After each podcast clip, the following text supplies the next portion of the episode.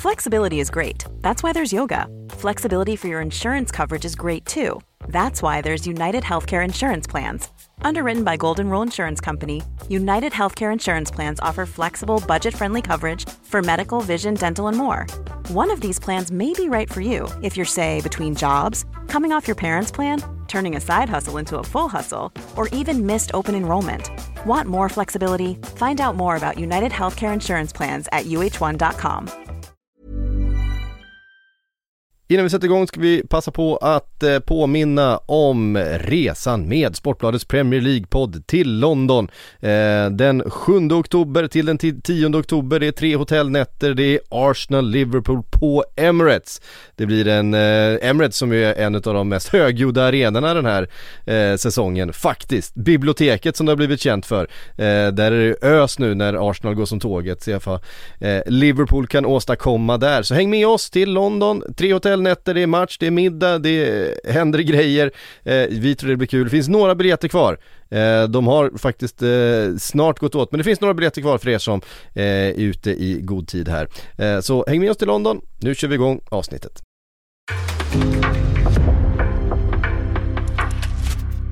En podcast från Aftonbladet.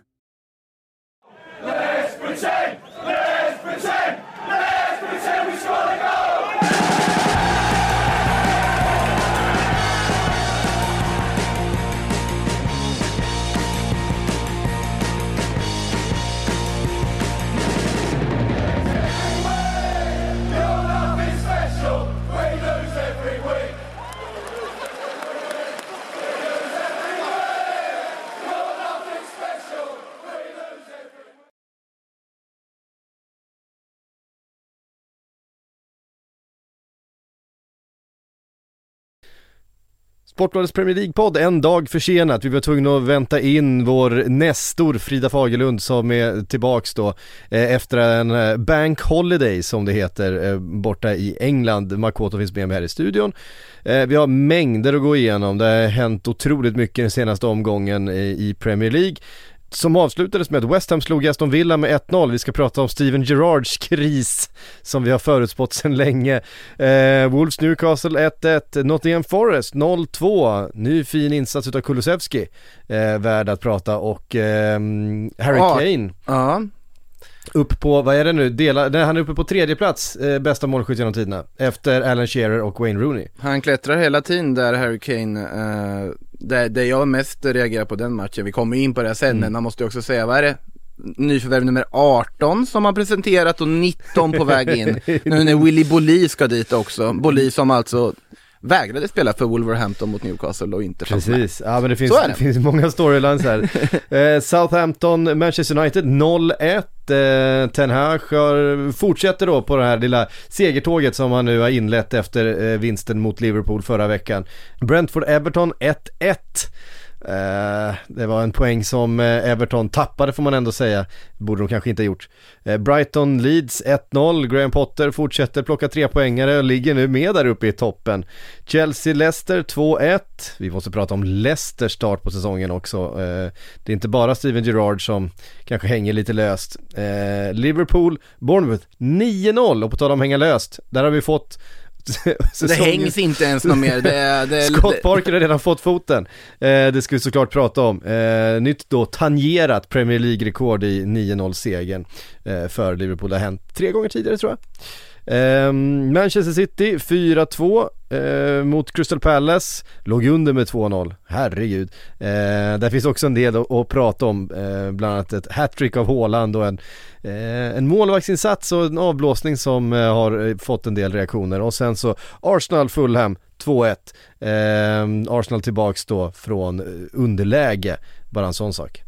Ja men vi börjar i alla fall med eh, säsongens första tränaroffer, Scott Parker. Alltså jag är väl kanske inte Scott Parkers största eh, beundrare som tränare, är väl inte helt övertygad om hans, hans förträfflighet eh, alla gånger. Men jag menar, visst känns det rätt hårt efter fyra matcher, varav tre utav dem mot Arsenal, Manchester City och Liverpool. Och så vann man ju mot Aston Villa i, den, i den övriga matchen. Att få sparken Frida, vad vad- vad är det som händer? Ehm, Ja, alltså jag kan hålla med dig till viss del, men jag är faktiskt inte alls förvånad över att det här händer. Jag reagerade, reagerade ganska starkt på vad Parker sa efter den där horribla 0-9-förlusten mm. mot Liverpool. Och det han sa var i stort sett att man inte kan förvänta sig någonting annat av den här truppen. Det var någonting i den stilen mm. som fick mig att känna att mm. det är någonting som inte stämmer här. Och plus att vi vet ju också om att redan inför säsongen så gnisslade det ganska rejält mellan Parker och ledningen. Så att jag tror inte kanske att vi ska läsa in särskilt mycket av att han får sparken efter förluster mot ja, men, Arsenal och, och, ehm, och Liverpool och sådär. Utan att det handlar mer om att det är någonting som har liksom legat och, ja, men legat och pyrt lite grann bakom kulisserna som, eller där nu ägaren har bestämt att nej men det är bättre att vi får bort Parker nu och plockar in någon annan och att vi på så vis kan, kan stärka våra chanser att hänga kvar. För just nu så, även om de fick med sig den där segern i första omgången så har vi ju sett hur Villa har haft det kämpigt mot andra lag mm. också. Så att man kan väl tänka sig att Bournemouth kommer bli en av de där klubbarna som ligger väldigt långt ner i tabellen och slåss för sin överlevnad. Ja, alltså herregud, det är ju bara att titta, den insatsen de gör på Anfield är ju, den är ju under all kritik verkligen. Ja. Eh, det är inte det att, visst, alltså man kan åka på storförluster på Anfield, det är inte, det är inte omöjligt, men sättet som de gör det på, sättet som de försvarar på, som de inte ens liksom på något sätt försöker och 9-0 är ju såklart ett freak-resultat men, men Bournemouth förtjänade inte mycket. Det hade kunnat bli betydligt mer om man ska vara riktigt ärlig. Men också så här, när du har 5-0 i paus då är det, gäller det bara att börja riskminimera och stänga ner och bara försöka på något sätt stänga, stoppa blödningen. Det lyckas man inte heller med. Och det, det, det som du är inne på Frida, att man säger då att ja men det här är väntat. Ja du kan säga det på kanske en 3-0 förlust mot Liverpool där det har visat någon form av tendens till åtminstone vilja att göra det efter en 9-0 förlust, nej det, det är inte okej, okay. då ska man bara be om ursäkt till fansen för att man gjorde den insatsen man gjorde. Eh, och då kan man få behålla Sen, sitt jobb ja. som Ralf Hassenhüttel. Eh, men... Nej, som sagt, men jag tror också att det eh det, det, har ju inte investerats i den här truppen. Nej, alltså för, truppen för, är ju för, för dålig. För, det, det, för ja. att man ska hänga kvar och det vet ju Scott Parker och den, mm. eh, den friktionen lär ju finnas där mellan, mellan eh, styrelsen och, eh, och Parker, helt precis som du är inne på Frida. Och det är väl därför mm. han får lämna.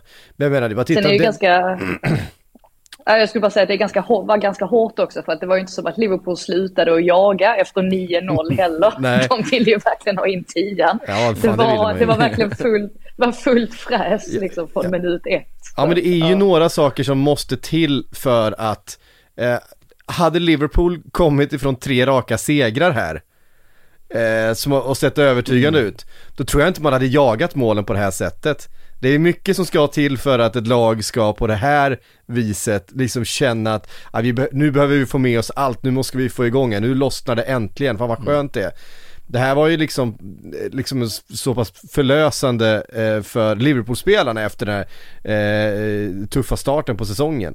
Det känns som att det ska till liksom mer än bara en faktor för att det ska bli de här resultaten. Nej, kun, kunde ju inte mött, alltså Liverpool i sämre läge. Nej men precis, hur många gånger har man inte sett, ja men både Liverpool och Manchester City de senaste säsongerna, ja men dra iväg med 3-4-0 och sen slå av lite på takten och sen spela av matchen för man är så pass överlägsen och man har all boll och man, eh, man luftar lite spelare och så vidare i matcher som hade kunnat sluta betydligt, med betydligt större siffror om man hade behållit frenesin hela vägen. Eh, men eh, ja, vi får, eh, vi skulle säga det om Bournemouth också att, jag menar, bara titta på Premier League-erfarenheten som finns i det här laget. De enda spelarna med Premier League-erfarenhet är ju samma spelare som de åkte ur med, i stort sett. Mm. Med något undantag. Um, så att, ah, det är ju inte, det är inte ett lag som är byggt för den här ligan och det blev eh, uppenbart för alla inblandade. Ja, också, också när, man, när man släpper in 6-0 på ett självmål, det första som händer i andra halvlek på det också. Ja. ja det, det, jo, samtidigt, så, hade han inte stött in den själv så hade det ju, så hade ju jo, Luis Diaz gjort mål där i alla fall, alltså så här. Men det, är ju, det var ju en sån dag där allting bara, allting bara eh, studsade Liverpools väg från matchminut ett i stort sett. Eh, men inte Mo Salahs väg. Men inte Mo Salahs väg. Det, det måste helt... man ändå notera att han faktiskt inte gör en enda poäng när de vinner med 9-0. Det är anmärkningsvärt och då är det inte som att han eller liksom tidigt byttes ut på något vis utan han ville verkligen göra Nej nej nej mål. för fan, han, Nej, var, det han, han, han spelar 90 minuter eh, har, det varit, har det gjorts någonting av det borta i England Frida? ja, alltså kanske inte så mycket som man hade kunnat tänka sig, men jag tror att det hände så pass mycket under den gångna helgen att, Ja. att det har funnits för mycket annat att fokusera på än bara att Mohamed Salah inte gjorde något poäng.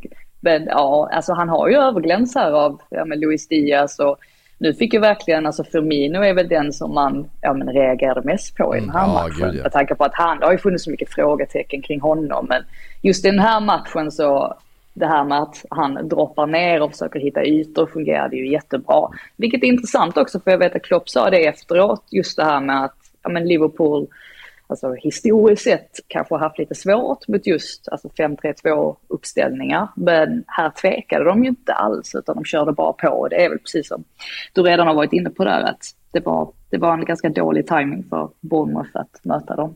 Fint att se Harvey Elliots eh, känslor efter hans mål också, hans första i, i Premier League efter skadeproblemen han har haft och få, få göra det också. Eh, Ja men man förstår ju det, alltså det, han, han, han kommer in med, som väldigt, väldigt ung med någon slags, med stora förväntningar och viss press på sig faktiskt. Ja. Eh, och hade den där jättefina inledningen på förra säsongen när han var, ja men en, en av lagets bästa spelare under matcherna som faktiskt föranledde den där eh, hemska skadan.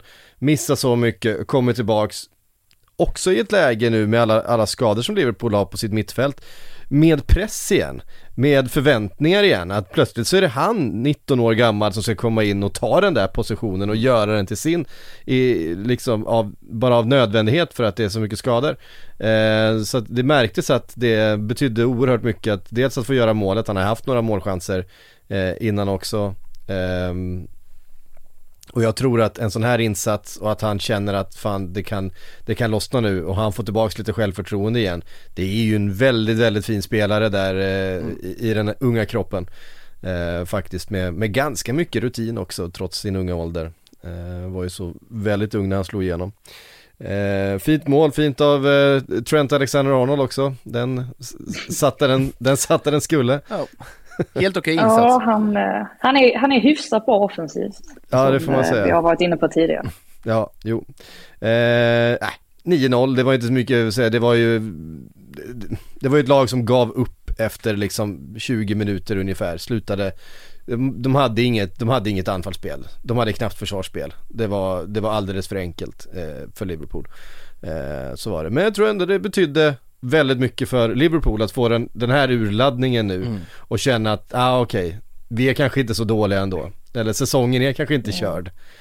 Ehm, Det, eh, jag, jag lyssnade på, ehm, på radion sen efteråt. För jag var ju på väg hem från Stamford Bridge och så ville man ju höra reaktionerna. Och så, så var det ett Bournemouth-fan då som ringde in och han hade ju trotsat den här Bank Holiday-trafiken då under fredagen för att ta sig upp till Liverpool. Och sen så fick han se det här haveriet på lördagen. Men eh, dagens höjdpunkt sa han var ändå när han gick till puben efteråt för att han har aldrig fått så många öl eh, bjudna på sig som, som då för att alla Liverpool-supportrar vill. De slog sig om att vara den som, som köpte sympatiöl till honom för att det här var så, eh, ja det, det här gick ju knappt att jubla mot slutet. Det var ju bara Nej. så eh, gräsligt nästan. Ja. gräsligt höga siffror. Ja, nej det var det. Vi, eh, vi lämnar den där då och eh, tar oss över till Manchester City som ja, chockades efter bara fyra minuter. Eh, självmål, John Stones, eh, inte mycket han kunde göra åt det. Eh, och Joakim Andersen stöter in 2-0 efter 21 minuter och där undrar man vad är det som håller på att hända? Sen så har vi ju situation där vi har en trea inne, Frida. ja, precis. Och eh, hur ser man då på den situationen? Ja. Det, Ederson har i alla fall tur, tycker jag, som får, eh, får det domslutet med sig. Ja. Men eh, det hade ju kunnat, jag menar 0-2 för Man City är ju ingenting. Det har de ju visat nu de, eh, ja, de senaste de matcherna nu. de har spelat i ligan. Ja, de har ju, och de visade det förra, ja, mot West Ham där i sista matchen också förra säsongen. Så att det börjar nästan bli en vana, eller en ovana snarare för dem att släppa in två mål sådär. För att kanske jämna ut det och göra det lite mer underhållande för oss som tittar. Men absolut, det, det, där, ehm, det där målet, det är mycket möjligt att, att eh, regelboken följdes där. Men jag tycker ändå att Ederson ska vara ganska tacksam över att han eh, ja, fick det domslutet med sig. Ja, alltså för, om det är någon som har missat det så rullar han ju alltså ut bollen eh, precis på fötterna på Jordan Ayew är det som stöter in den va? Ja, jag tror det. Ja. Ehm, och vi har ju sett flera stycken sådana. Ehm, man tänker direkt på um, Karim Benzema och Loris Karius i eh, Champions League-finalen. Som är i stort sett identiskt. Ehm, det målet eh, godkändes ju. Ehm, och det finns ju, ja, så är det med domslut ibland. Ibland får man dem med sig, ibland får man dem emot sig. Det är ovanliga händelser. Eh, den här gången gick det Manchester Citys väg och det var som att de fick det fingret. Sen tog de hela armen. Eh, för att andra halvlek var det liksom ingen snack. Först Bernardo Silva och sen på, ja, hur många minuter är det mellan första och tredje målet för, eh, för Haaland? 19 tror jag det var. Mm. Ja. Eh, hattrick av Haaland och då liksom Ja, då bara ställer man ner foten och sen så är man det bästa laget i världen i en halvtimme och då räcker det mot vilket lag som helst egentligen. Alltså mitt favoritmål är ju definitivt 3-2 målet. Alltså det är ju helt magiskt egentligen. En hörna där ju. Mm. De Bruyne som slår kort till Bernardo Silva är det väl, till Alvarez, tillbaka till Bernardo, till Stones var det väl för han var också inblandad som, som passade den vidare till Haaland. Ja men alltså vilken, eh, man vet inte knappt vad man ska säga. Det är ju City när de är som bäst på något sätt. Och eh, Stones fick väl sin lilla revansch där också. Eh, Precis. kände han säkert själv då i och med hans, hans självmål där i, i första halvlek. Men nej, när de är på det humöret och just tror jag väl också det här att de måste ju vara så oerhört mentalt starka och veta att ah, okej, vi ligger under med två mål, men det gör ingenting. Vi vet om att kommer vi bara upp i något sånär i nivå så kommer vi vända den här matchen. Det är ju inte många lag som har den, har den för de, styrkan. de, gör ju en, de gör ju en väldigt svag första halvlek får man säga. De är ju, de är ju mediokra där, även om de har mycket boll och så vidare. Men det är ju inte, det är ju inte helt orättvist att Crystal Palace leder, leder med 2-0 i halvtid. Det är, visst det kanske är, eh, det kanske inte hade blivit, om de hade spelat samma halvlek eh, liksom tio gånger kanske det inte hade stått 2-0 till Crystal Palace varje gång. Men eh, det är inte helt osannolikt i alla fall. Men sen att bara kliva ut och bara liksom på något sätt bestämma sig för, ah, okej nu kör vi. Och så bara, då behöver de inte mer än 20 minuter på sig för att, för att vinna en sån här fotbollsmatch. Ja, men de, de som har tvivlat på alltså hur mycket bättre det här City skulle bli med Erling Braut Haaland centralt tvivlar nog inte så mycket mer när man ser att nu har de den här spelaren som utnyttjar det här otroligt fina spelet, grundspelet de har och sätter sina chanser och gör det också i sånt här läge när det är så viktigt att göra det när de lyckas vända ett 0-2 underläge. Eh, för jag ska säga att också Crystal Palace är ju väldigt bra. Ja, deras säsongstart tycker jag, även om inte den syns i resultatlistan så mycket, så tycker jag att det finns väldigt många positiva tendenser överlag i Crystal Palace och det har varit väldigt spännande, trevligt att se på dem. Men eh, då det finns ju, de har ju ingen chans när City sätter in den där andra revanschsugna växeln och Haaland där på det humöret han är. Nej. Sen är det ju makalöst också, alltså Haaland han har ju knappt rört bollen sen han kom till Premier League. Och ändå så har han fått ut så här mycket Ja. av det. Jag tror han hade, han hade åtta bollberöringar i vardera halvlek i den här matchen. Och det har ju varit ännu färre i många andra matcher. Och ändå så, så bara sprutar han in mål. Det säger också väldigt mycket om vad som händer när man har sådana otroliga spelare som han har omkring sig. Då är det gäller det bara att stå på rätt plats vid rätt tidpunkt. Ja. Så drar man antingen på sig bevakning eller så kommer bollen till slut. Ta dina löpningar så kommer bollen när det är läge att göra mål. Eh, så, så är det verkligen. Och, eh, sex mål på fyra matcher har han inlett den här säsongen med. Eh, det är helt okej. Vi eh, tar oss vidare därifrån då till Emirates där eh, Arsenal också låg under då precis som Manchester City gjorde. Och där är vi inte riktigt lika vana vid att Arsenal liksom tar tag i, i saker och ting och vänder ett underläge men det gjorde man här. Ehm, Ja. Och det är väl på något sätt signif- signifikativt för, ett, för det nya Arsenal som vi ser här. Det är lite mer eh, mental styrka och på något sätt inte eh, den där skörheten som vi har sett i Arsenal med när motgångar har haft en förmåga att liksom krackelera hela fundamentet eh, i laget. Det, man ser inte riktigt, riktigt det längre här. Eh, Martin Ödegård eh, såklart stor matchhjälte när han eh, gör det första målet där ganska kort efter att eh, Mitrovic gjort det första. Och så du kallar inte Gabriel för, eh, för matchhjälten? Jo, han- det är han hårt ändå. han- Var det han- bara för att han släppte in det första i stort sett? Ja. Till, Alltså så här, avgörande 2-1 mål i slutminuterna tycker jag väl ändå kategoriseras som matchhjälteroll oavsett Men jag vad. bara tyckte Öde, Ödegård var så bra. Det ja, var det, liksom, det, det kan, eh, vara- kan ha varit matchens bästa spelare. Ja, det var men kanske absolut. det jag var ute efter. Men, Men det kändes som att, ja, men det kändes som att det var Martin Ödegårds insats som på något sätt vann den här matchen Ja, så kan i det vara. slutändan. Men det var Ja, Han gör han, var, Ja.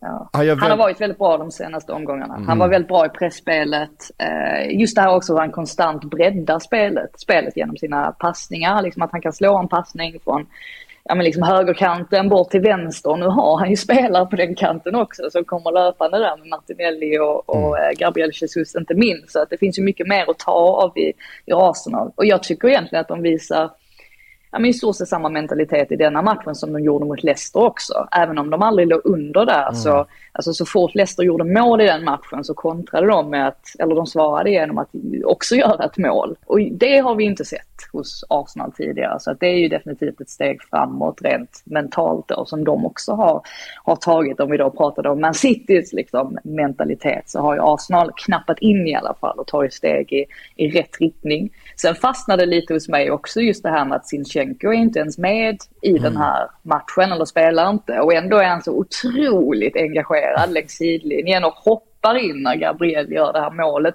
Det finns ju en, jag tror att det är därför också det har blivit så mycket rubriker här borta om firandet efteråt för att Richard Keys, jag vet inte om ni har koll på honom, men ja, en gång i tiden, Vilken ja, fåntratt han är alltså, jag vet inte. Men en, alltså, en gång i tiden jobbade han ju för Sky Sports och Mm. sen så fick han sparken och man fick tänka efter först, var det nu för att han var rasistisk eller sexistisk? Men det var för att han var sexistisk. Det var bara att ta en ur högen. Välj Ja, ett kort. exakt.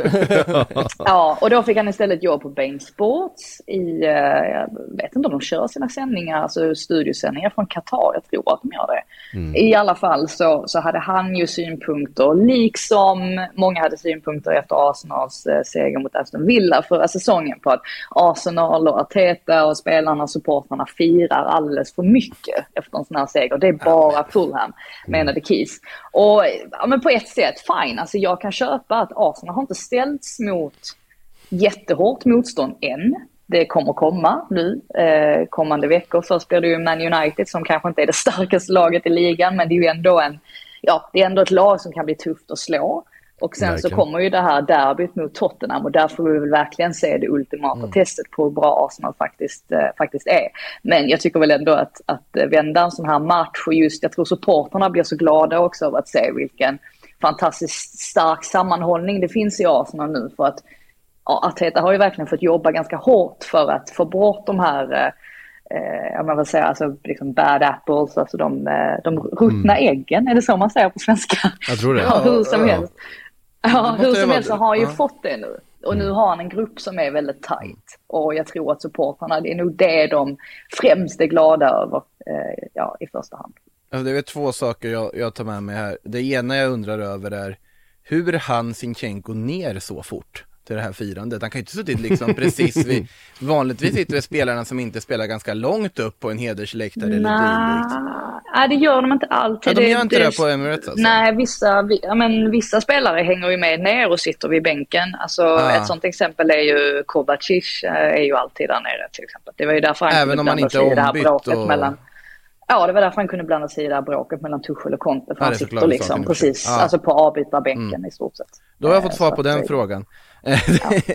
Eh, men andra funderar över att det här, det var ganska viktigt också ur perspektivet att det är första gången som man ser några förändringar i Arsenal 11 som måste vara att de påtvingade då.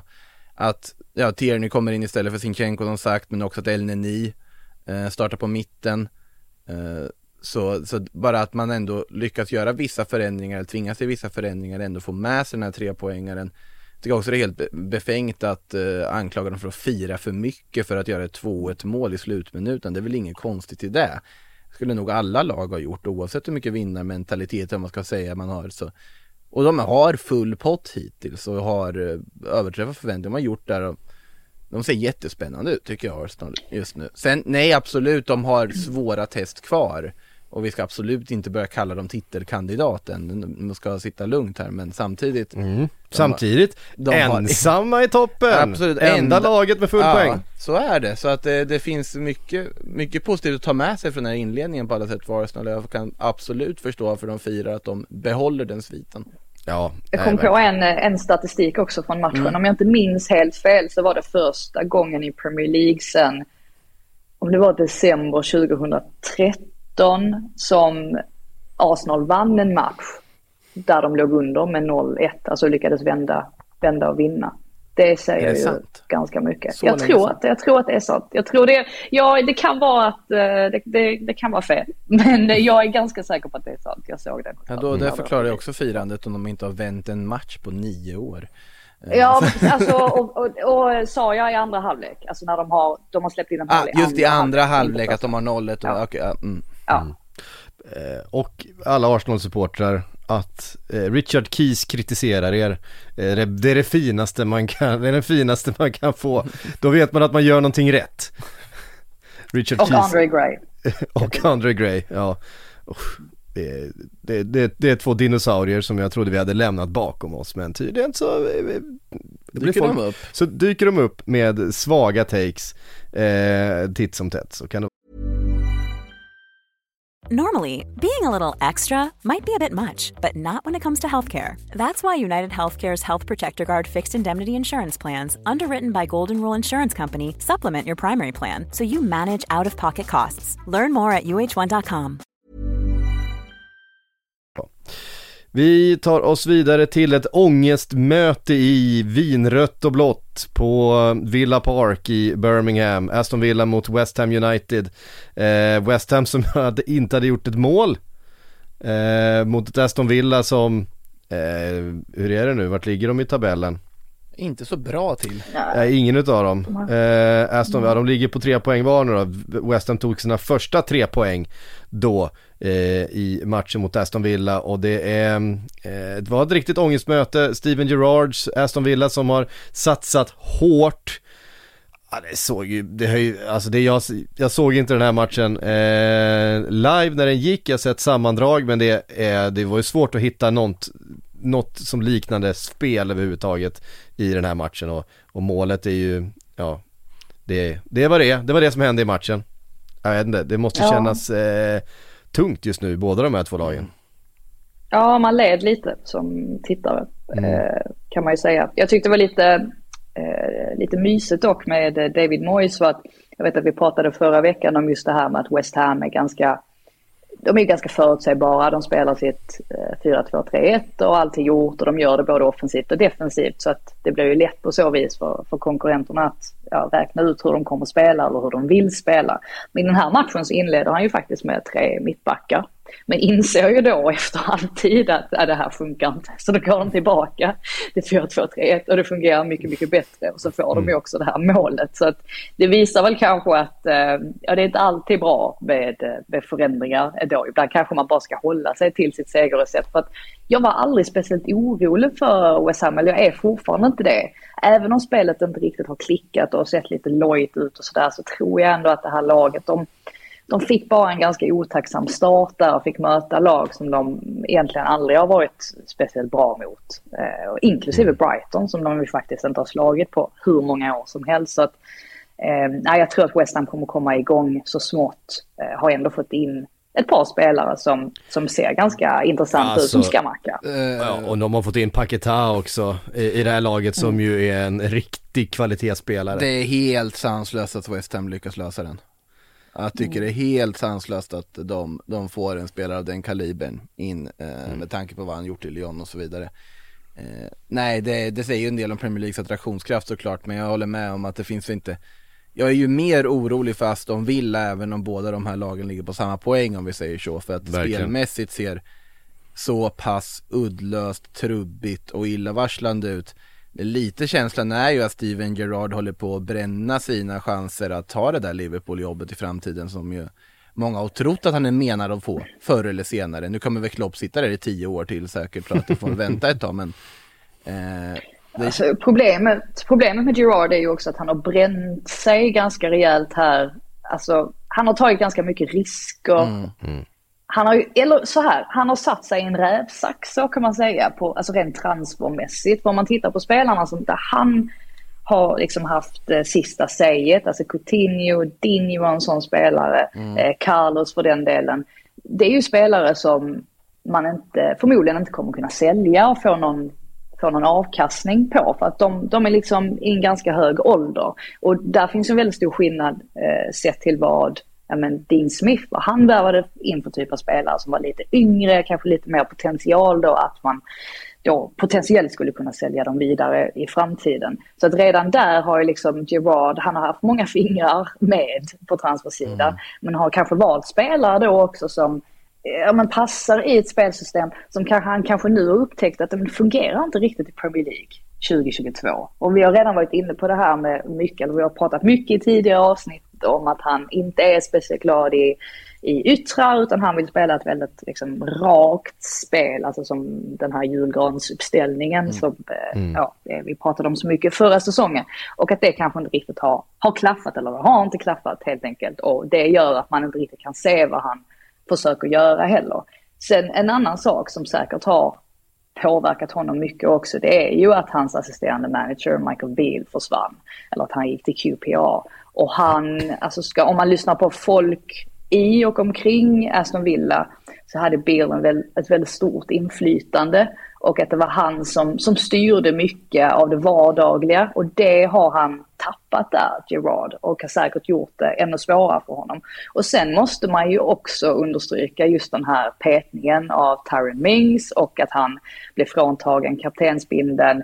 Timingen på hela den händelsen var ju ganska konstig också. Det kom ganska sent, inte jättelångt innan säsongstart. Varför skedde inte det tidigare om Gerard hade bestämt, han måste ju ha bestämt sig tidigare än så. Om det inte är så att det faktiskt skedde någonting bakom kulisserna, alltså en, en incident som gjorde att Gerard bestämde sig. Så att det är mycket sådana grejer som möjligtvis kan ha inverkat då på att Villa har startat säsongen ganska, ganska lojt. Men ja, självklart så är han ju under press nu. Eh, ja det är han och eh, nu har ju, hörde jag det för första gången i ett annat sammanhang när jag lyssnade på en fotbollspodd att ja, eh, för en sån klubb som Villa så hur länge håller man i Steven Gerrard när det finns en sån tränare som Pochettino tillgänglig på, på marknaden? Pochettino som Bournemouth kanske... ska ha honom nu. Vad sa du? Bournemouth ska ha honom nu ju. Pochettino? Pochettino. Är, är inte Sean Dyche där redo då?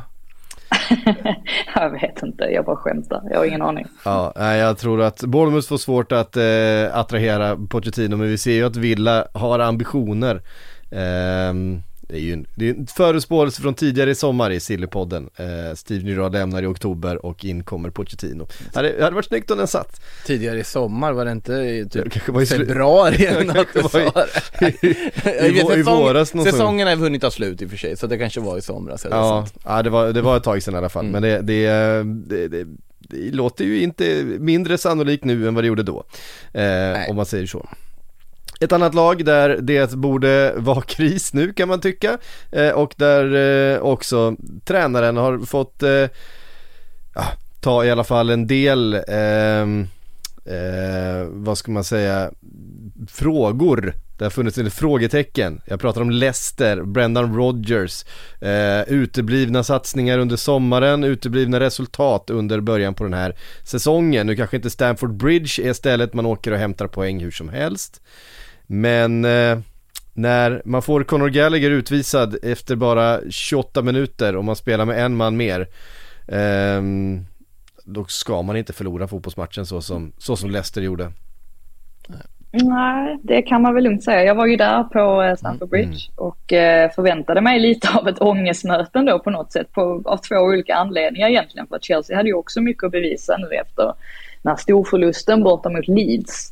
Och de inledde väldigt bra. Jag tyckte till och med alltså Gallagher såg också ganska ja, men, påslagen ut. Men det visade sig att han var för mycket påslagen för att den där, särskilt det andra gula kortet är ju så dumt så att man, man baxnar den här tacklingen på Harvey Barnes. Mm. Eh, det var inte snygg mm. och han kände väl direkt att eh, nu åker jag och eh, det gjorde han ju också. Men det är ju det är otroligt egentligen att Leicester inte lyckas få med sig någonting från denna matchen i alla fall. För det är ganska lång tid och med en man mindre. Ja, och verkligen. man tycker ju att de borde kunna göra det, borde kunna göra det bättre, men det är ju någonting som inte det är någonting som inte stämmer där. Och det är väldigt tydligt också att balansen på, på hela startelvan blir liksom jättekonstig. Just det här att de nästan inte har någon vänsterkant känns det som. Alltså det är, nej, det är, ehm, det är otroligt, eh, eller högerkant ska jag säga. Alltså så, mm. Det blir bara liksom lite, det blir bara lite märklig, ja, alltså, ja men märklig balans helt enkelt. De får, inte, de får inte till spelet så bra som man tänker sig att Leicester ska kunna få till det. Så att det var ju ändå fortsatt Chelsea som hade de, de vassaste chanserna nu också när de fick ligga lite mer på kontring och, och fokusera på det. Och han satte in, eh, Tuchel var ju inte längs sidlinjen under den här matchen. Han fick ju sitta högt uppe på läktaren och eh, titta eftersom att han är avstängd. Men satte in Aspelipeta efter halvtid istället för Mason Mount som inte alls hittade rätt och så försökte man ju främst att säkra upp. Och ja, Reece James, jättebra. Matchen rakt igenom. Kukureya också, också hyfsad där i andra halvlek. Raheem Sterling bränner inte alla sina lägen. Ja, det räcker typ för att eh, Chelsea ska få med sig tre poäng här. Han skulle ju ha haft ett hattrick egentligen, Sterling, men två av eh, tre får väl ändå ses som, som hyfsat bra sett till eh, ja, hur hans avslutsstatistik kan se ut. Eh, men eh, nej, Leicester fick inte till det. Jamie Vardy borde ha noterats för något mål. Han hamnade ändå i ett par fina lägen. Men eh, mm. starkt av Chelsea att ta hem tre poäng, men det visar ju också ja, alla Leicesters problem. Ja, och nu ser man ju ut att då eh, sälja Fofana från eh, Leicester då, till, till, till, just Chelsea. Eh, och då blir man ännu svagare och samtidigt så har det inte kommit några nya spelare till det här laget Frida. Det var ju, det var ju sommar, det var ju så många som skulle åka, han skulle ju bygga om det här laget, han skulle ju bygga nytt. Vad, var det, vad, vad har gått snett? Ja, alltså det är ju det som är intressant också att Brendan Rodgers själv skyller ju inte på alltså rekryteringsmänniskorna eller vad man säger. Alltså han menar ju att hela den biten fungerar jättebra och att de har identifierat spelare som de vill ha in. Men det är ju den här detaljen att man inte har fått spelare sålda och att, att det även finns ekonomiska svårigheter som gör att det inte har kunnat genomföras helt enkelt. Och det känns ju väldigt oroväckande med tanke på hur mycket pengar som Leicester ändå har satsat också när man har byggt ja, men möjligen Englands finaste träningsanläggning för en herrans massa miljoner pund. Och ja, det verkar helt enkelt som att Leicester inte, de befinner sig inte i en hälsosam situation just nu. Vilket känns konstigt att säga för vi har alltid pekat ut dem som en klubb med sunt förnuft som alltid har gjort rätt värvningar och lyckats sälja spelare med profit och så vidare. Men nej, det är någonting som inte stämmer. Alltså det känns nästan som blivit lite skadade av sin egen självbild av att kunna kräva stora summor. Alltså vi pratar om det, ja, absolut de får en jättestor summa för Fana nu. Vi var inne på det i Sillypodden igår också att hade det inte varit bättre för dem rent truppbyggesmässigt att sälja för 10 miljoner pund mindre, få det klart, inte har den här situationen där Brennan Rogers måste sitta och svara på Fofana-frågor på varje presskonferens. De får bort honom snabbt och de får tid att investera de här pengarna i någonting. När Fofana nu blir klar efter att ha gjort USA tur och retur för sin medicinska, ja då, det är ganska långt fram i fönstret. Det är väldigt få timmar kvar att göra någonting och de har inte gjort någonting överhuvudtaget. Och det finns ju andra spelare man vill bli av med också. Det otroligt oroväckande tycker jag. Sen Absolut, att man förlorar mot Chelsea i sig är väl inte någon kris, men det här Chelsea... Sättet man gör det på liksom. Sättet man gör det på, när man känns så pass uddlösa som man gör, man bygger, bygger upp den här pressen som man egentligen borde kunna. Ja, visst, det blir lite spännande i slutet där när de ändå får till någon form av tryck. Men, ja, att det räcker med en fantastisk Reece James som jag fortfarande tycker är slöseri att spela i en trebacks utan han ska vara där, alltså han är så otroligt bra offensivt. Ja. Jag vill nästan sätta upp honom på topp. Alltså bara på att eh, Kai Havertz börjar man tappa tålamodet med om vi säger så. Reece James hade ju gjort mål om han spelade centralt, som central anfallare, det ja. vet man Nu ska vi i och för sig säga att Raheem Sterling gjorde ju som sagt två också, det var nog viktiga två mål för honom i den ja. rollen. Men att Reece James hamnar i den här trebackslinjen är lite frustrerande sett till hur ofantligt bra offensivt han faktiskt är. Kanske han inte eh. behöver göra det när, när Fofana kommer in. Så är det ju, det, och där, där är Chelsea ju ändå på väg någonstans, det är väl den där forwards eh, man ska lösa fortfarande och det förstår jag ju varför man vill göra också. Eh, tråkigt för Gallagher måste ju sägas också ändå. Eh, såklart idiotbeslut men han hade behövt någon sorts av positiv tendens istället för att ta två gula inom loppet av väldigt få minuter. Ja. Eh, men vi får väl se om han är kvar när eh, fönstret stänger på torsdag. Sen kanske man bara ska påpeka också att det var väl lite mer, det var liksom inte en rak trebackslinje så från Chelseas Nej sida. vilket såklart gjorde inte var James det fick, när, men fick trycka upp eh, betydligt Mm. mer. Jag tyckte nästan offensivt att det var, det stundtals såg det ut som en 2-4-3-1 nästan. Eh, vilket gjorde att han fick väldigt mycket ytor Mm. på, på den kanten. Men det är väl klart, alltså när eh, Koulibaly är tillbaka och eh, ja. om de får in Fofana också så har de ju självklart fler, eh, fler möjligheter att sätta Reece James högre upp. Ja. Vi, ehm, ska vi se här, vi tar oss vidare till eh, Nottingham Forest, eh, 0, Tottenham 2. En eh, inte heller speciellt välspelad tillställning eh, hela vägen. Vad tycker vi Va? om Rikarlisons, alltså den situationen? Han, alltså det är ju, det, det, det, det är ju klart att han ska hackas ner där. Fan på honom bara. Stå, stå där och jonglera som någon. Ja, Alltså- jag kan tycka att engelsmän är, engelsmän är lite, de har lite märkliga resonemang ibland. För de hatar ju sådana där grejer. Så när Richarlison står och Mm. jonglerar med bollen. Eh, Och tycker liksom att det är skandal. Men de tycker absolut inte att, vem var det, Johnson va? Hans tackling på Richarlison. Helt De tycker inte att det är, de tycker absolut inte att det är, det där är helt rätt. Alltså de har väldigt konstiga, konstiga värderingar ibland. Och just det här med att Richarlison, vi vet ju hur han är. Det där är inte första gången som han står och trixar med bollen sådär när han ska döda tid. Alltså det har han gjort förr. Och på någonstans kan jag tycka att ska vi inte bara låta honom hålla så länge han inte drar någon i håret känner jag. Ja. Eller eh, ja, någonting annat eh, våldsamt så kan jag kan inte bli upprörd över det där. Nej, Det är, liksom, alltså- det är sån han är. Jag- känner på något sätt, jag hamnar i något sånt mellanting att jag tycker absolut, låt han stå och jonglera där om man vill. Sätt bättre press då i sånt fall, ska man inte ha tid att göra det där. Eh, och också, jag köper ändå att han, att han liksom, ja, totalt bara manglas ner efter det.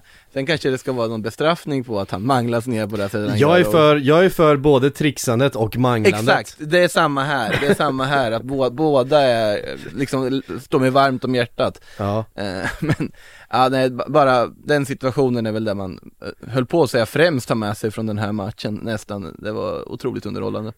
Ja, ny assist på Dejan Kulusevski som då har flest assist av alla i ligan sen han gjorde sin debut i januari. Eh, det är eh, imponerande, han dök också upp på den här lista Först till visst antal assist också, eh, det var väl först till 10 assist då, eh, gissar jag. Eh, På hur många matcher man har spelat och det var ju några notabla namn på den listan, Kevin De Bruyne och så vidare. Eh, Så att han har ju verkligen gjort sig till en av de, ja, viktigaste spelarna i Contes eh, Tottenham faktiskt. Det går Ja. inte att säga något annat. Går han före Son idag? Han gjorde det Alltså uppenbarligen. nu tyckte väl ändå att, alltså mot slutet så var det ju faktiskt lite mer Son och Kane för ovanlighetens skull. Om man ser till hur säsongsinledningen har sett ut hittills. Än vad det var Kulusevski och han blev väl utbytt där också. Ehm, så att eh, ja, men jag tror klart att han är, klart att han är jätte, jätteviktig Kulusevski. Han har gjort det fantastiskt fint men Conte har ju också har ju liksom oförskämd, oförskämd bredd där fram nu ju med att han har Richarlison på bänken. Alltså en spelare Ja. han kan kasta in som faktiskt Visst. hade, ja men han gör avtryck direkt på sitt eget lilla vis. Och jag menar assisten fram Ja, den till Kane är ju faktiskt, ja, det är väldigt, väldigt hög klass på den. Så att han har, eh, ja han har verkligen att välja på det är det man måste ha ju om man ska hamna högt upp i tabellen. Vad säger vi om Steve Cooks eh, målvaktsräddning? Det är inte första gången. Alltså, Nej, den har vi sett förr. ja, han var inte lika snygg som eh, för två säsonger sedan där med Bournemouth dock. Eh, det var inte, det var nu inte samma vet, klass. nu, vet vi ju, nu vet vi ju att det bara är sån han är. Alltså det är så han hoppar på något sätt. Det måste ju vara så. Ja fast den, den, den eh, för två säsonger sedan, det var ju en, det, där sträckte han ju ut. det var ju en, det var ju en riktig tv-räddning. Det här, det, här tycker jag, det här tyckte jag domarna kom till korrekt beslut i slutändan, att det blev straff men inte rött kort. Jag tyckte det kändes rätt i alla fall. Eh, jag vet att du tyckte annorlunda, att han kanske Mm. skulle ha fått uh, synare röda där. Jag tyckte det var absolut såklart ett straff alla dagar i veckan. Men eh, jag tycker inte det är så pass tydligt att han försöker stoppa en boll från att gå in i mål. Och sen kan man absolut diskutera, ja men Kane är ju där.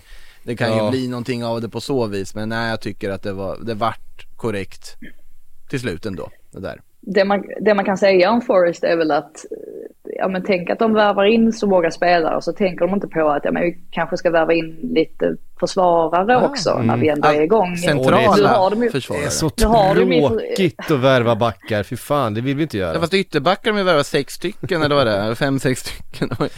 eh, nej men alltså det är, det är sanslöst. Det är helt sanslöst att starta med Warhol, Cook och McKenna i försvaret. Det är en trebacks. Alltså med tanke Ja, på... det, det, det syntes ju också för att jag menar offensivt så kunde det ju vara fredigt ibland då från Mm. Forrests sida. Men eh, ja, till exempel då vid eh, 2-0 mål så står de ju så över allihopa och bara lämnar honom. Det- Alltså Ja, en av det är ju- ligans absolut bästa strikers. Men det, det, det funkar ju inte. Det är inga Premier League-backar de tre. Så Nu, nu som sagt, Willy Bolli ska väl vara typ klar sägs det ju. Efter att Ja. flytta bort från eh, Wolverhampton. Så det blir värvning nummer 19. Jag vet inte om de har tänkt att Renan Lodge ska in och spela någon sorts vänsterroll i den här trebacken. Men det har han ju inte gjort innan riktigt. Ni, Nia, Nia Katte, är som man säger. Han är Ja, väl som skadad dessvärre varit skadad ja, Niakate. Mm. Eh, så att, eh, nej men de behöver ju fortfarande nästan en mittback. Det är det som är så sanslöst. De sitter ju där och säger, eh, Cooper sitter ju och säger att ja men, eh, Ja, vi, du ska- är, ska- vi är inte klara. nej, Ska värva nej jag, mer. jag, jag förstår inte riktigt. Nej, det är Vad, helt galet. vad, vad, vad tänker en spelare som liksom Toffolo som har valt att gå från Huddersfield till Nottingham för att få Premier League-speltid. När de värvar 20 ytterbackar till. Efter att de har plockat in honom. Vad tänker en spelare som O'Brien som också kom från Huddersfield när han har fått speltid där i början och sen ser spelare som liksom Remo Freuler och Mangala plockas in efter det. Jag vet inte hur de ska överhuvudtaget få ihop det här till någon form av enhet. Jag tycker det syns, även om det fortfarande finns en hel del spelare kvar från på något mirakulöst vis spelare kvar från då laget som faktiskt fixade den här uppflyttningen att det är osynkat på alla fronter och det kommer ju ta det här kommer inte bara ta en säsong att få ihop det här kommer ta flera säsonger att få ihop och bara det faktumet gör väl att de säkert inte har mer än en säsong att kunna få ihop det för det, alla drar väl så fort de åker ur igen det är liksom lite den känslan man får just nu nej, otroligt underligt En sak som har blivit en jättestor snackis här Mm. borta också, det är ju Dean Henderson räddar ju Harry Kanes straff, Ja. vilket ju är jättebra gjort Mm. och sådär. Det var ju hundra år sedan tänkte jag säga, Kane missade en straff, Nej, men det var väl typ 2018 han senast missade Mm. en. Eh, Men just hans beteende efter slutsignal när han Ah. går fram till Harry Kane och står och skrattar och är skitglad för att Mm. han har ju räddat en straff. Och jag, jag känner så här ihop med det han sa när han lämnade Man United, just det här med att han använde ord som att det var kriminellt att hålla honom på bänken, får mig att känna att De- Dean Henderson bryr nu väldigt mycket, alltså han bryr sig om sig själv först Ja. och främst. Och eh, Forrest eh, som nummer två. Och det tror jag inte alltid är jättebra. Det är väl farhågan också när man bara värvar in en massa spelare. För att man ska lyckas så här på studs, liksom, eh, samma säsong för man ska hänga kvar. Ibland behöver man ju också de spelarna som faktiskt, ja men de kanske rent kvalitetsmässigt mässigt inte är på högsta nivån men de har så pass stort hjärta för klubben att det går ändå på något sätt. Det, det kan de ju möjligtvis sakna här då när de har värvat in en massa spelare hur som helst. Och Henderson spelar med keps på sig och tycker att det, man, man absolut det, de som är nostalgiker kan uppskatta det på en målvakt men jag tycker det bara skrik. Jag vet inte, jag kan inte lita på en målvakt med keps. Det, känns, det, det utstrålar ingen trygghet för mig. Eh, men han jag räddade ju en straff som sagt men jag, jag reagerade också på hur glad han såg ut efter eh, slutsignalen onekligen. Ja. Ehm, det är märkligt. Det är är, det. det är mycket märkligt. Eh, Southampton, Manchester United, 0-1. Äntligen en nolla i, i baken för Manchester United. Som, eh, ja, det var väl inte tidernas mest världsspelade match det här heller. Eh, hände en del, Bruno Fernandes, stor matchhjälte. Eh, det var nog viktigt för honom också. Det, han har ju trevat lite efter den där formen från den inledande våren han hade i Manchester United där. Har inte riktigt kommit upp på den nivån. Det här var något eh, viktigt mål för honom tror jag. Frida.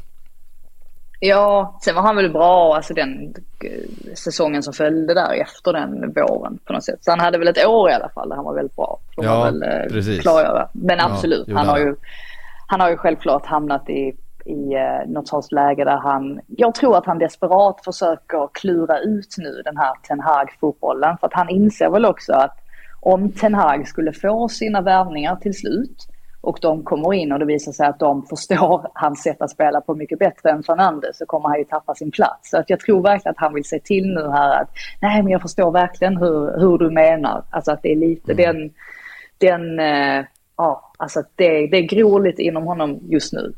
Men i den här matchen så får han i alla fall det här fantastiskt fina målet som det ju är. Mm. Så att, eh, och de får med sig tre poäng, vilket var det viktigaste. Nu försvarar de ju väldigt djupt där mot slutet. Och United ska ju kunna, vi säger det ofta med United att de ska kunna, men det är ju så de ska kunna kontrollera en match bättre mot, till och med borta mot Southampton. Men här var ju tre poäng det viktigaste och ja, man får med sig det, vilket var, eh, vilket var väldigt, väldigt skönt tror jag för Ten Hag också. Att nu har de två raka segrar. Det ger ändå lite mer arbetsro. Ja, det, det, var väl det enda som spelade någon roll i den här matchen för United att få med sig tre poäng. Sen, nej det var absolut eh, 90 fotbollsminuter som eh, inte stannade särskilt länge i järnbanken, det kan man ju konstatera. Men eh, överlag, där man försöker ta med, jag tycker, jag måste säga, jag måste lyfta på hatten för eh, Lisandro Martinez Eh, att få så mycket skit som han fick efter Brentford-matchen när alla börjar prata om hans fysiska attribut och hur han inte ska funka i serien och vilken misslyckande han är efter två omgångar. Och jag vet jag själv var med, jag var med på det tåget innan han ens hade gjort debut. Att det här känns konstigt. Men hur han har steppat upp både mot Liverpool och i den här matchen. ja, ja men vad han har steppat upp och visat att jo då, jag tänker nog banne mig visa att jag håller, att jag är värd den där prislappen, att jag håller för det här United. Och det är bara att lyfta på hatten för tycker jag. Mm. Eh, det, det, är väl en sak man tar med sig. Några, några noterbara laguttagningar eh, hade vi också i Manchester United. Elanga från start, eh, Maguire på bänken. Igen ja, samma. Igen.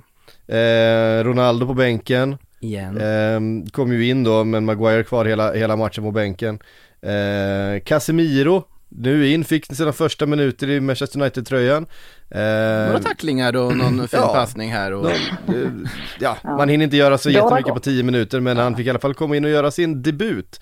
Eh, lite, lite halvt känns det fel dock att även av hur, hur macho tränar och du får träningar än har haft så kan du inte ha Casemiro på bänken före McTominay. det går ju inte. ja, jag tror Nej, att... man kanske ska nämna också McTominays, alltså den här straffsituationen som blir ganska omtalad. Ja, den alltså, där handsfesten ja. där ja. Uh, Hasenhüttel tyckte ju såklart att uh, Southampton skulle ha haft straff och den mm. träffar ju faktiskt McTominay, bollen träffar väl hans arm eller sådär uh, flera gånger om. Men jag ska säga det att jag har helt gett upp, alltså jag vet inte vad hans är. Nej, uh, det är bara rulla alltså, tärningen varje gång. Ja, om din fick, ja men han fick någon hans emot sig där ju när Villa mötte mm. Crystal Palace och så blev det straff. Och jag, jag tycker bara att det är så himla inkonsekvent hela tiden. Men det har väl jag har ingen aning. Jag vet inte, tar den inte också på Southampton-spelarens hand i det där på något vänster också, en väldigt ja, rörig situation. Så det skulle ju kunna vara en aspekt i det hela, men absolut så såg det ju ut som att han mer eller mindre jonglerar bollen med olika delar av armen. Uh, Ja, nej det var ju det en situation som går att diskutera men jag håller med dig Frida, man, man har ingen aning om domarna De har utbildningen för det, de vet säkert vad som är rätt eller fel där Ja, du säger något om, eh, om, om Southampton också Ser ju inte speciellt spännande ut eh, kan jag tycka ja, Vissa spelare Jag tycker de ser ganska spännande ut Ja men eh, Bella Kocha alltså. Ja, ja, verkligen Jättespännande. Ja, vilken, eh, vilken entré höll jag på att säga. Nej, men, han tycker så spännande ut. Jag tycker uh, Romeo Lavia, mm. intressant. Jag tycker faktiskt att uh, Joe Aribo också mm. intressant. Så att det finns ändå lite, det är ju ett, det är ett ungt gäng det här som det mm. alltid är i Southampton. Så att jag tror väl nog att, uh, jag tycker ändå att de ser ut som att de Ja, jag vet att det var många som trodde att de kanske skulle trilla ur, men jag tror nästan att de kan hanka sig kvar alltså en säsong till. Nej man får ändå också lyfta på hatten för deras scouting överlag. Att alltså Bella Kotschap från Bochum man förstått har fått väldigt fina lovord i Tyskland för det han har gjort där. Anses vara ett jättelöfte eh, defensivt. Eh, och då ska vi säga Salisu som han kom in tidigare fönster då. Eh, han var ju otroligt bra också i ett bottenlag i La Liga innan han kom och var just en sån här spelare som man inom ligan höll väldigt högt. Så just det att eh, Southampton är väldigt bra på att hitta de här spännande talangerna såväl i andra ligor men också i andra klubbar i serien, i de som ligger högre upp i hierarkin och det har vi ju sett förut. Så jag tycker att deras De har en tydlig och fin värvningsfilosofi och man hoppas att den, den ska ge frukt på så vis. Jag tycker det är en väldigt, väldigt liksom bra och smart satsning. de gör. En, en sak som man kan nämna också bara snabbt det är ju att det ser ju verkligen inte bra ut för Sveriges backlinje här alltså. Om vi tänker oss att Emil Kraft nu är allvarligt skadad. Ja. Eh, Lindelöf skadad slash kommer sitta på bänken i alla fall. Vi har ingen annan mittback än honom typ. Alltså det finns Nej. väl några som knackar på dörren men ingen given sådär. Och vänsterback Augustinsson suttit på bänken. Jag menar det, ja, man blir ju inte jätteexalterad. Om man Starfelt. Helander centralt. Ja, typ. Det är ju inte, ehm, Starfelt får ju åtminstone spela. Ja. kan vi...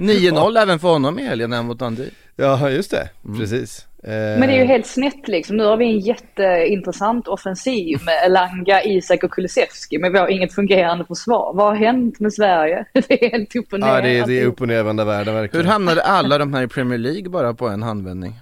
Tänkte jag Ja. också på. Ja. Det är också en annan aspekt i det. Mm. Se om Forsberg tar dit också då om man lyckas tvinga sig bort från Leipzig eller inte i slut. Mm, Ja, precis. Um, undrar vart han ska i sådana fall. Ja, det var väl det var ju lite Aston Villa-rykten men då kommer ju han också ha brist på speltid fast i nej, England. nej. Nej, Han kan inte också dit. Det är inte den Nej. speltypen de behöver. Forrest. Eller Nej, det som hade varit mäk- mäktigast hade ju varit att se honom såklart i Brighton. Eh, men eh, jag Åh. ser inte riktigt behovet för Brighton att göra speciellt mycket. För de bara fortsätter ju vinna Frida, 1-0 mot Leeds. Eh, Ja, alltså man blir helt, eh, man blir helt vimmelkantig höll jag på att säga. Nej, men det var så mycket. Det är topp 4-laget Brighton. Mm, det var så mycket snack där under lördagen ju. Åh, vem ska man hylla? Det var så många som var Liverpool med sina 9-0 och, och eh, ja, att eh, Arsenal vände och vann och bla bla bla och Man City kom tillbaka från 0-2. Men jag landar ju ändå vid att Brighton fortfarande är liksom utropstecknet här. Det är ju helt sanslöst egentligen vad de bara fortsätter att, att vinna och den här matchen mot Leeds skulle de ha vunnit med fler mål. De har ju faktiskt fortfarande det här problemet att de det är ganska mycket, ja de kastar bort en hel del chanser. Alltså Solimars hade ju faktiskt en, ett, en hel del lägen när han borde ha gjort det bättre och sådär. Så man vinner ju bara den här matchen med 1-0 men var klart bättre förutom möjligtvis där mot slutet när Leeds liksom får till en liten forcering och vilket gör att rent statistiskt kanske inte ser ut att vara en jätteskillnad men Brighton hade absolut kunnat vunnit denna matchen med, med väldigt mycket mer och då ska man tillägga att Lalana till exempel var skadad till den här matchen. Vilket gjorde att Rosard flyttade in eh, centralt och upp en bit i, i planen. Men Pascal Gross alltså, har någon klubb någonsin fått ut så mycket av en spelare med lite. en så pass så lite, lite. Av, så, av så lite pengar också Ja. framför allt. Alltså han kostade ju i stort sett ingenting för, eh, för Brighton. Vad var det? Tre, 300 000? Ja. Nej, vad, vad, vad var det? Ja, det, var, det var inte mycket i alla fall. Nej. Jag vet att F- Fältman kostade ju 900 000 pund. Och det, bara det är ju otroligt. väldigt, väldigt, eh, ja, det är ju väldigt, väldigt eh, lite. Men jag tror, om jag inte är helt snett på det så tror jag att Gross kostade 3 miljoner pund. Alltså han gick, ju- eh, gick han inte gratis från, eh, kanske han inte gjorde. Från Nej, Ingolstadt. Jag tror det var 3 miljoner pund. Jag är inte Ja, Det var inte mycket pengar i Nej. alla fall. Oavsett vad så är det väldigt lite och han ska Ja. inte kunna prestera på den här nivån som han gör nu. Men han har ju fått en sån här roll som, ja men så fort han får bollen, eh, ja men i ett, i, ett, i ett ganska bra läge så vet han om att det kommer rusa tre, fyra medspelare framåt. Vilket gör att han vet exakt var han ska sätta bollarna nu hela tiden och han gör det gång på gång. Det är, äh, det är helt äh, häpnadsväckande att se faktiskt att äh, Graham Potter kan fortsätta få ut så här mycket av dem. Sen vet vi också att det kommer säkert komma en svacka för det gör det så småningom för Brighton. Och det är ju för att de inte har den här bredden på truppen och då blir det jobbigt när det kommer, ja men det är så mycket matcher och det tär ju ganska mycket på dem också. Man får lite skador och sådär. Så jag räknar ju med att Brighton kommer sjunka lite lägre i tabellen. Men jag anser fortfarande att det är den främsta prestationen så här långt i Premier League. Helt klart. Med risk att låta som trasig LP-skiva. Det finns ju oanvänd bredd där. Dennis Unda på bänken. Kauru jösses. Mittoma. 11 minuter den här gången. Det, snart kommer första starten. Och så måste också nämnas att Mark Rocca såg stabil ut i Leeds igen. Så kan vi, det, det, är också, det, det är ett bra Leeds som stänger ner dessutom. Så att, nej, det är otroligt imponerande av Brighton. Ja, och den här känslan av att man kan slänga in vilken spelare som helst under Graham Potter så kommer de få honom att, att fungera och leverera. Mm. Det är ju, den förstärks ju bara för, för varje match som går. Eh, Brentford-Everton, Äh, ångesten äh, är väl intakt i Everton får man säga nu. Hade man ledningen här länge, länge, man tappar den. Äh, Anthony Gordon såklart, det är väl han som ska bära det här laget, sin ålder till trots. hur, hur länge till? Ja, hur länge till, om någon lyckas köpa loss honom. Connor Cody, i, med faktiskt den första Premier League-assisten i sin karriär. I, vad, eh, är, vad är Conor Cody bra på egentligen, om vi tänker efter? Portugisiska. Eh, han, han, gör, han gör inte jättemycket mål, han gör absolut inte assist, han är inte jättebra i luftrummet, eh, skulle jag han säga. Är han, han, han är inte mycket till fötter. Extremt långsam. Han är ju bra i en trebackslinje. Ja. Så mycket kan man säga. Har de mycket hjärta? Där kommer hjärtat in kanske. Ja, en precis. Spelare som kanske inte har alla kvaliteter ändå för att spela i Premier League. Men han har så pass mycket Förut... vilja och bra inställning. Förutom att han väljer att skriva på för Everton och då måste man ändå ifrågasätta just den aspekten. Men eh, ehm, det, ja, jag vet inte, men han, han är nog en eh, väldigt uppskattad eh, lagkamrat. Eh, det är väl känslan man får från, från, Connor, eller från alla som spelar med Connor Cody, att han är oerhört populär hos lagkamrater och fans och så vidare. Han är ju, han är skön så att säga. En, en lite såhär Rob Holding typ alltså. Vad trevlig prick. Han är en, tre, tre, en, en trevlig prick ja.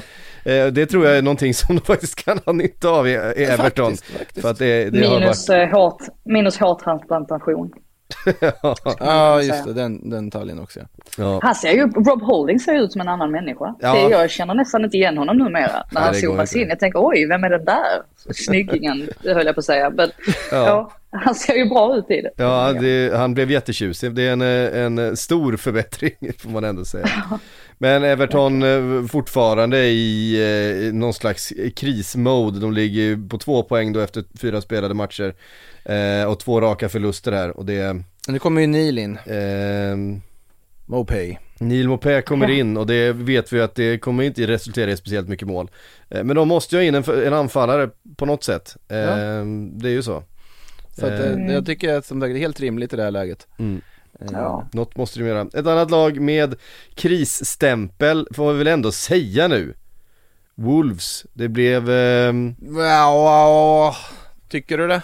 Alltså, i och för sig tabellen två, skriker kris. Två poäng efter, oh. efter fyra matcher. Eh, det har inte, vi, har inte, vi har inte skrikit kris om det än men det måste vi väl nästan göra nu. 1-1 Fast... mot Newcastle. Eh, uff, målet. Alltså sen Maximan. Alltså vilken spelare det är. Mm. Fan vad man, eh, det är ju ingen spelare man blir så, det är som att pulsen går upp lite varje gång han får bollen vid fötterna för nu, nu händer det något tänker man. Eh, och så gör det ju väldigt ofta det. Um, Ibland inte i slutändan. Ja, ibland, in, inte alltid, men eh, de, nu tappade de Newcastle, eller vad säger Wolverhampton, den här, de här tre poängen i, ja det var väl nästan, inte riktigt matchens sista spark, men eh, det var inte, det var väl i 90 minuten typ. Fast här är jag lite där du sa att Wolves är kris, jag är lite på samma spår som vi var med West Ham här, att även om resultaten sett ut som de gjort så är inte jag jätteorolig för dem. Jag tycker det har kommit in så mycket kvalitet där, du har så mycket kvalitet i den här truppen. Alltså både Mateus Nunez och Gonzalo Guedes är ju fantastiska värvningar. Eh, nu, nu kör de all in på portugisspåret, det råder ingen tvekan om det, vad de har gjort i det här fönstret också. vad tycker du de har gjort innan? Ja, ja det, jag, vet, jag vet, jag vet. Jo men nu är, inte Conor, nu är inte Connor Cody där.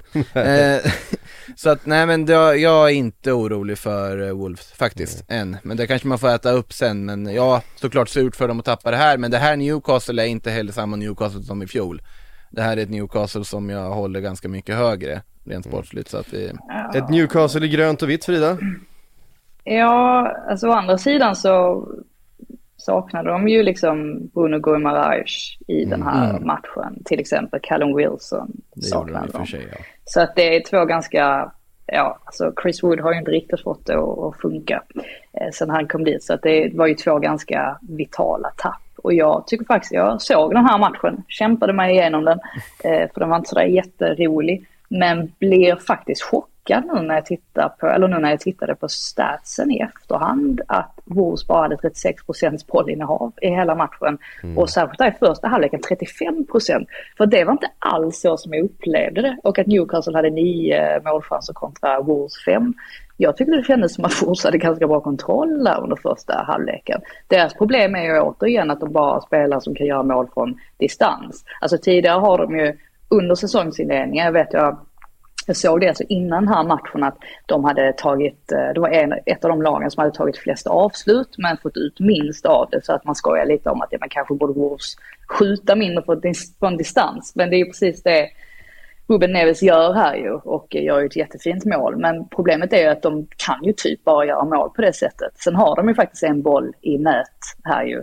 Som de har ju, ju två... Eh, kunde ha. Ja, precis före ja. San Maximan gör 1-1. Eh, ja, där eh, det blir bortdömt då eftersom att man ser att Pedro Neto, eh, ja, alltså ger en knuff där i, mm. i, eh, i själva uppbyggnaden till målet. Och hade, hade det målet godkänts, då hade det stått 2-0 och då tror jag definitivt att Wolverhampton hade, Wolverhampton hade vunnit den matchen. Så att jag tyckte ändå det kändes som ganska små marginaler. Men det är ju möjligt att man upplever saker på olika sätt. Ja, uppenbarligen. Ehm, vill ändå understryka sen Maximens voll, volley på slutet där. Det är, eh, ja. Alla nio målen för Liverpool till trots och snygga skott så det är ju omgångens mål. Men helt plötsligt så har han ju börjat få ut alltså, han konkreta saker tiden. av det han gör. Ja men var, hur, var kom det här ifrån? För att han kan ju vara oerhört frustrerande att se också när han bara ja. liksom gör helt, helt sjuka dribblingar som inte leder till någonting, alltså som känns helt meningslösa. Men nu har han i alla fall börjat producera lite poäng och det, ju, det var ju liksom den sista, sista biten som fattades av honom på något sätt. Ja, han är, han är fenomenal. Um... Hörde ni, vi har inte så mycket mer tid kvar faktiskt innan vi måste lämna studion här. Ska jag slänga in en breaking news först? Ja, släng in en breaking news. United reach agreement for Anthony transfer. Ja, då var den klar precis. också. Den, eh, en miljard. En miljard kostar han. Det eh, har vi vetat om ett tag eh, och nu är det helt klart. Får vi se om vi får se honom, ah, kanske inte redan imorgon för det är ju, ju mitt i veckan eh, matcher där. Då har vi ännu en svensk landslagsspelare att oroa oss över speltiden för. Ja just det, Alexander Isak. Va?